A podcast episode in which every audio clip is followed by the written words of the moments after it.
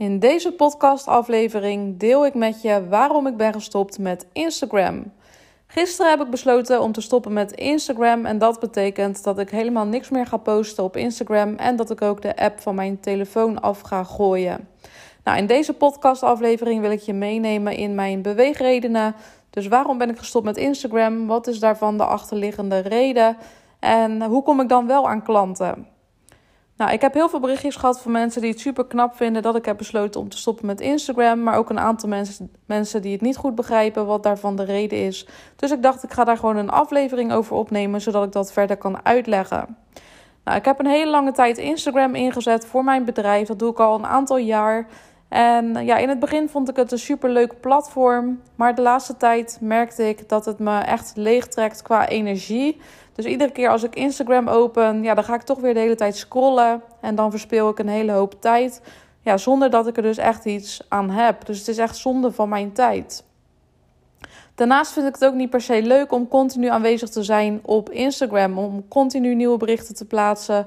Continu stories te maken die maar 24 uur zichtbaar zijn. Uh, continu te connecten met mensen. Dat kost allemaal best wel veel tijd.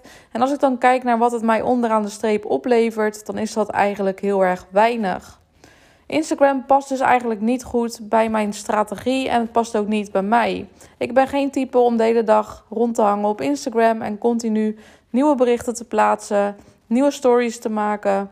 Ja, dat is gewoon niet mijn ding. Ik ben van mezelf een eh, projector. Misschien ken je Human Design wel. Ik ben een projector en dat betekent dat ik van mezelf best wel weinig energie heb. Dus ik moet goed letten op uh, waar ik mijn energie aan besteed. En op het moment dat ik dan op Instagram zit en ja, ik ben daar continu op aan het scrollen, ja, dan verspil ik dus heel veel van mijn energie. Terwijl ik die energie veel beter zou kunnen inzetten. En er zijn ook superveel andere marketingstrategieën die wel bij mij passen, zoals het inzetten van een automatisch verkoopsysteem. Als ik kijk naar waar mijn klanten vandaan komen, dan komen ze bijna allemaal via mijn automatische verkoopsysteem. Ik heb het hele proces vanaf onbekende naar klant geautomatiseerd. En dat betekent dat ik het maar één keer hoef neer te zetten. En dat er continu nieuwe leads komen in mijn automatische verkoopsysteem. En dat ik daar continu klanten uithaal. Dat betekent dus dat ik niet continu zichtbaar hoef te zijn op social media. Maar ik zet bijvoorbeeld advertenties in, waardoor ik continu zichtbaar ben, maar niet continu aanwezig hoef te zijn. Dus dagelijks uh, zie je mij voorbij komen via advertenties. Maar ik heb die advertenties maar één keer in hoeven te stellen. En dan ben ik continu zichtbaar zonder dat ik iedere keer weer nieuwe berichten moet plaatsen. Dus dat is bijvoorbeeld een onderdeel wat ik heb geautomatiseerd. Daarnaast zet ik ook e-mail marketing in. En dat betekent dat op het moment dat iemand bijvoorbeeld via een advertentie mijn gratis weggever aanvraagt, dan komen ze in mijn e-mail marketing systeem te staan. En via e-mail marketing stuur ik geautomatiseerd een aantal e-mails met waardevolle inzichten, uh, met een kijkje achter de schermen, met mijn persoonlijke verhaal. En die mailtjes worden dus geautomatiseerd verstuurd. Dus die mailtjes heb ik maar één keer ingesteld. En op het moment dat iemand mijn weggever aanvraagt, dan worden die e-mails automatisch verstuurd met bijvoorbeeld steeds een dag ertussen of twee dagen ertussen. Dus ik hoef daar verder niks voor te doen. En mensen kunnen mij op die manier beter leren kennen. Uh, ze gaan mij steeds meer vertrouwen. Ze gaan me leuk vinden. En uiteindelijk worden een aantal mensen dan klant. Dus zo heb ik op dit moment mijn automatische verkoopsysteem ingericht. Daarnaast zet ik bijvoorbeeld ook een webinar in. En een webinar is een ja, soort online presentatie van anderhalf uur. En in dat webinar vertel ik nog veel meer over ja, waar ik mensen mee help en wat ik precies doe. En ik laat voorbeelden zien van klantresultaten. En ik doe op het eind ook een aanbod. Dus op die manier krijg ik ook veel klanten via mijn webinar. Nou, ik heb dat dus allemaal aan elkaar gekoppeld. Dus op een gegeven moment heb je dan een heel proces wat begint bij een advertentie. Vervolgens vragen mensen jouw weggever aan. Dan komen ze in je e-mailreeks. Dan volgen ze het webinar en dan worden ze klant. Daarnaast heb ik bijvoorbeeld ook een gratis gesprek die iemand kan aanvragen. En via dat gratis gesprek kan ik ook weer een aanbod doen. Dus zoals je ziet, uh, heb ik Instagram helemaal niet nodig om aan klanten te komen, omdat ik dus gebruik maak van zo'n automatisch verkoopsysteem. En ja, doordat dat helemaal automatisch doorloopt, kan ik ook gewoon een dag vrij nemen zonder dat mijn hele bedrijf instort. Of ik kan gewoon twee weken op vakantie, terwijl wel die klantenstroom doorloopt. Dus dat is de manier waarop ik mijn klanten krijg en wat voor mij heel erg goed werkt. Dus ik zou ook altijd aanraden om te kijken naar wat bij jou past. Misschien denk je nu van ja, maar ik moet aanwezig zijn op Instagram, want iedereen doet dat. En dat is een hele goede manier om aan klanten te komen.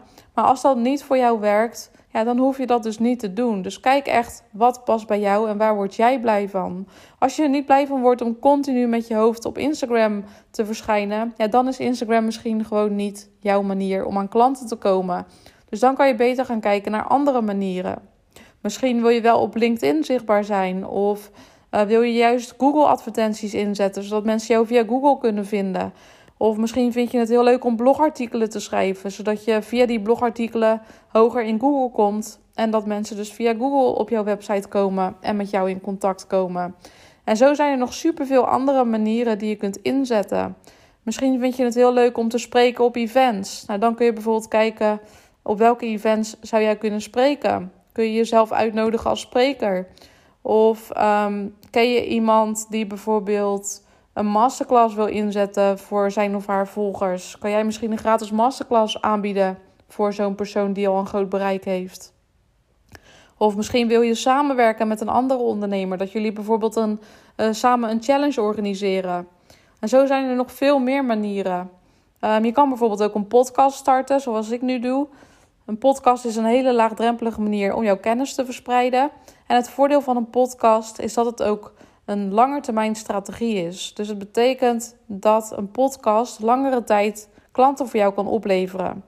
Bij Instagram Stories is het bijvoorbeeld dat die stories verdwijnen na 24 uur. Dus dat is een hele korte termijn strategie.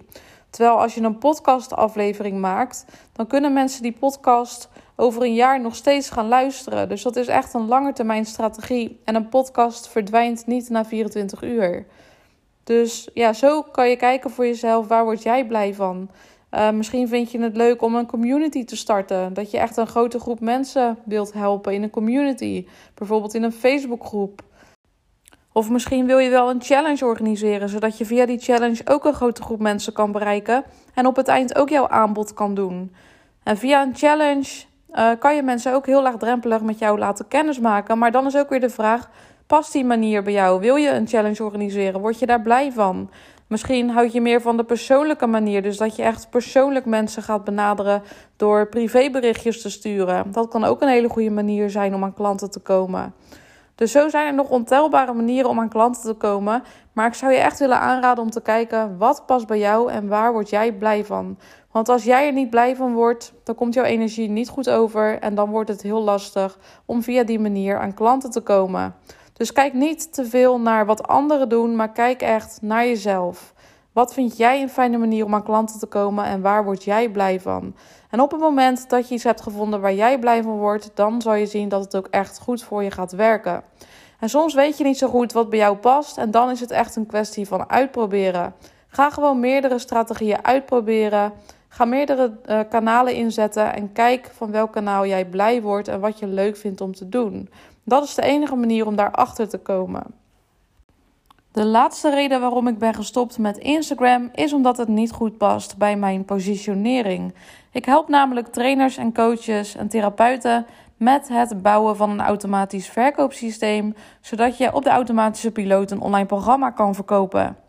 Op het moment dat ik zelf continu zichtbaar ben op Instagram, dan is het natuurlijk niet zo geloofwaardig dat je ook genoeg klanten kan krijgen via een automatisch verkoopsysteem.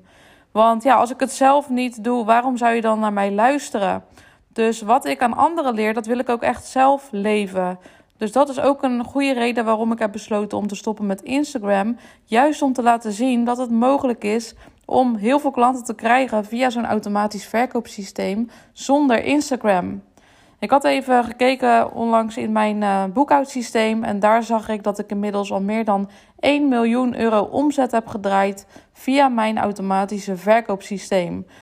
Dus dat geeft natuurlijk wel aan dat het echt mogelijk is om klanten te krijgen via een automatisch verkoopsysteem en dat het ook voor jou mogelijk is. Nou, ik hoop dat ik je in deze aflevering wat tips en inzichten heb gegeven over wat er nog meer mogelijk is dan alleen maar berichten plaatsen op Instagram. Ik ben ook heel benieuwd wat je van mijn podcast vindt. En daarom zou ik je graag willen uitnodigen om een beoordeling achter te laten. Als je nu via Spotify luistert op mobiel, dan weet ik dat het kan uh, door te klikken op beoordelingen. En dan kan je een aantal sterren achterlaten. Nou, ik hoop natuurlijk dat je mij 5 sterren wilt geven. Voor nu wens ik je een hele fijne dag en alvast heel erg bedankt voor het achterlaten van een beoordeling. En hopelijk tot de volgende aflevering.